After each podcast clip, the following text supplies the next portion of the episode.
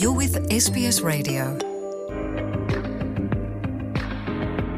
ሰላም ጥዕና ሃበልና ከመይ ኢልኩም ቀኒኹም ክብራ ተኸታተልቲ ስbs ትግርኛ ጸብጻባት ናይ ሰዓት ሒዝና ቐሪብና ኣለና ፈለማ ኣርእስታትውን ከነቐድም ኤርትራውያን ኣብ ትግራይ ዘሎ ዓጸቦ ንምቅላል ዝገብርዎ ዘለዉ ሓገዛት ምስግና ቀሪብሎም።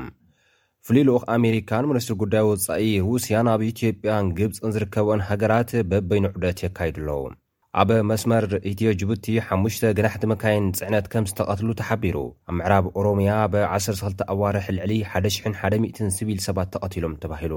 ዕዳ ኢትዮጵያ ኣብቶም ዝሓለፉ ኣርባዕተ ዓመታት ብዕፅፊ ካብ ዕስራን ሸሞንተን ቢልዮን ዶላር ናብ ሓምሳን ሽዱሽተን ቢልዮን ዶላር ከምዝወሰኸ ተገሊፁ ዝብሉን ካልኦት ፀብፃባትን ሒዝና ቐሪብና ኣለና። ናብ ዝርዝራቶም ክንሓልፍ ምሳና ፅንሑ።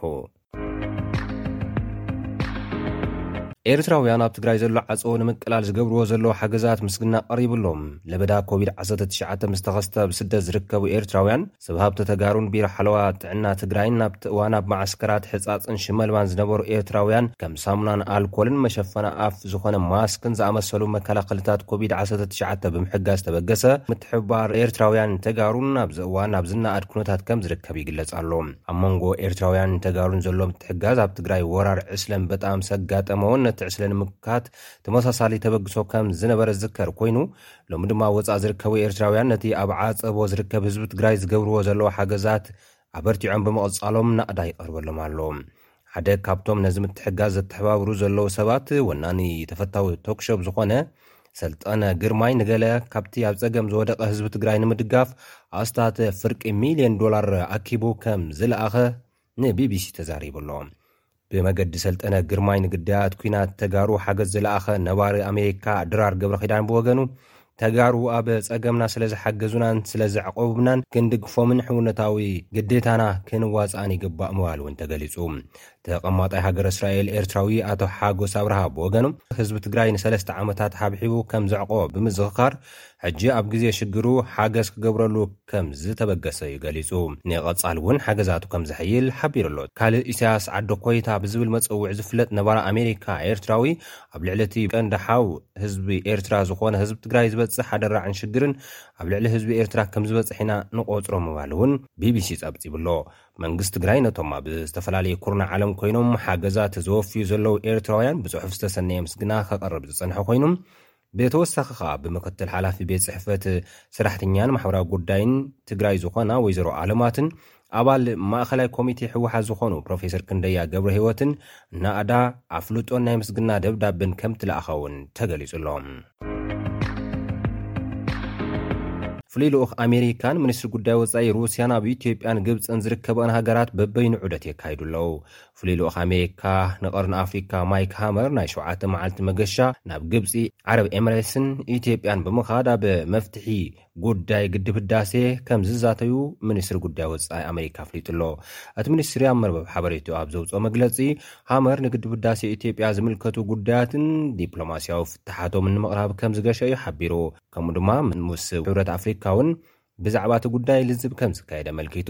ኣብ ኢትዮጵያ ብዛዕባ ዘሎ ምቕራብ ሰብኣዊ ሓገዝ፣ ንጉዳይ ግህሰት ሰብኣዊ መሰላት ተሓታትነት ኣብ ምቕማጥ ከምኡ'ውን ኣብ መንጎ መንግስቲ ትግራይን መንግስቲ ኢትዮጵያን ዘሎ ዘተ ኣብ ምንታይ ኩነታት ከም ዘሎ ንምዕዛብን ንምትብባዕን ጻዕርታት ከም ዝገብር እውን ሓቢሩ። ጎና ጎኒ መገሻ ልኡኽ ኣሜሪካ ኣብ ቀርኒ ኣፍሪካ ሚኒስትሪ ጉዳይ ወፃኢ ሩስያ ሰርጌይ ላቭሮቭ ኣብ ኣርባዕተ ሃገራት ኣፍሪካ ማለት እውን ግብፂ፣ ኢትዮጵያ፣ ኦጋንዳን ኮንጎን ሓሙሽተ መዓልታት ዝፀንሕ ዑደት ከምዝህልዎ እውን ተገሊፁ'ሎ። ኣብ ምዕራብ ኦሮምያ ኣብ ዓሰርተ ክልተ ኣዋርሕ ልዕሊ ሓደ ሽሕን ሓደ ሚእትን ሲቪል ሰባት ተቐቲሎም ተባሂሉ ብሓደ መዓልቲ ዝተቐትሉ ዕስራን ሸሞንተን ሓለፍቲ መንግስቲ ከምዝሓውስ እውን ተገሊፁ'ሎ። ባይቶ ወከልቲ ህዝቢ ኦሮምያ፣ ጨፌ ኦሮምያ፣ ኣብቲ ክልል ዘሎ ኩነታት ተመልኪቱ ኣብ ዘውፅኦ ጸብጻብ፣ ኣብ ምዕራብ ኦሮምያ ብ ዓሰርተ ክልተ ኣዋርሕ ልዕሊ ሓደ ሽሕን ሓደ ሚእትን ስቪል ሰባት ከም ዝተቐትሉን ካብኣቶም ብሓደ መዓልቲ ዝተቐትሉ ዕስራን ሸሞንተን ሓለፍቲ መንግስቲ ከም ዝርከብዎምን ሓቢሩ። ክሳብ ሰለስተ ቢልዮን ብር ዝበጽሕ ኪሳራታት ከም ዝወረደ'ውን ገሊጹ'ሎ። መንግስቲ ኢትዮጵያ ኣብቲ ዞባ ኣብ ልዕሊ ኣሸባሪ ዝበሎ ሰራዊት ናጽነት ኦሮሞ ተደጋጋሚ ወተሃደራዊ ወፍርታት የካይድ እኳ እንተኾነ እቲ ዕጡቕ ግን ኣብቲ ከባቢ ከቢድ ጽልዋ ከም ዘሕድር'ዩ ዝንገረሉ ዘሎ። ኣብ መስመር ኢትዮ ጅቡቲ ሓሙሽተ ገናሕቲ መካይን ፅዕነት ከም ዝተቐትሉ ተሰሚዑ።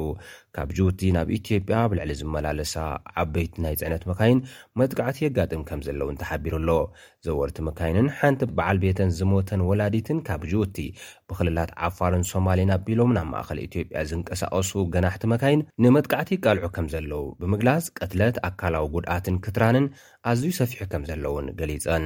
ኣብ ውሽጢ ክልተ ኣዋርሕ ሓሙሽተ መራሕቲ መካይን ብጥይት ከም ዝተቐትሉ፣ ሰለስተ ካልኦት ድማ ከም ዝቖሰሉ ማሕበር ዓበይቲ ናይ ጽዕነት መካይን ኢትዮጵያ እውን ሓቢሩ ኣሎ። ሚኒስትሪ ሎጂስቲክስ፣ መጓዓዝያ፣ ናይታ ሃገር ምስቶም ወነንትን መሻርኽቲ እተን መካይንን ኣብ ዘካየዶ ልዝብ ናይቶም መራሕቲ መካይን ቅሬታ ግቡእ እዩ፣ ሕጊ ናይ ምኽባር ስራሕ ድማ ክንዓዪ ኢና ከም ዝበለ ድምጺ ኣሜሪካ ጸብጺቡ ኣሎ። ዕዳ ኢትዮጵያ ኣብቶም ዝሓለፉ ኣርባዕተ ዓመታት ብዕፅፊ ካብ 28 ቢልዮን ዶላር ናብ 56 ቢልዮን ዶላር ከም ዝወሰኸ ተገሊፁ። ከም ፀብፃብ ባንኪ ዓለም ስርዓት ደርግ ካብ ስልጣን ክእለ እንከሎ ኢትዮጵያ 9 ቢልዮን ዶላር ዕዳ ከም ዝነበራ የዘኻኽር። ኣብ 2006 ዓ.ም ፈረንጂ እቲ ዕዳ ናብ 2.2 ቢልዮን ዶላር ወሪዱ ነይሩ።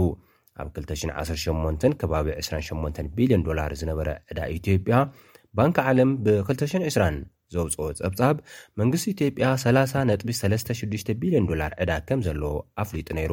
ድሕሪ ክልተ ዓመታት ድማ ኢትዮጵያ ካብ ውሽጢ ዓድን ወጻእን ዝወሰደቶ ልቓሕ ሓምሳን ሽዱሽተን ነጥቢ ሽዱሽተ ቢልዮን ዶላር ከም ዝበጽሐ ሚኒስትሪ ፋይናንስ እታ ሃገር ገሊጹ ኣሎ። ዓለም ለኸ ትካል ገንዘብ ኣይኤምኤፍ፣ ባንኪ ዓለምን ካልኦት ትካላት ገንዘብን ከምኡ'ውን ቻይናን ካልኦት ኣለቃሕቲ ሃገራትን ኢትዮጵያ፣ ቻድን ዛምቢያን ብዛዕባ ዘለወን ዕዳ ዳግመ ግምት ንኽገብራሉ ይሓቱ ከምዘለዉ'ውን ተገሊጹ ኣሎ። ክቡራት ተኸታተልቲ ኤስቢኤስ ትግርኛ ጸብጻባት ናይቲ ሰዓት እዚ ዝተኸታተልኩሞ ይመስል ነይሩ። ኣብ ቀጻሊ ብኻልእ ትሕዝቶ ክንራኸብ ኢና። ክሳብ ሽዑ ሰሰናዩ ንምነየልኩም። ሰላም።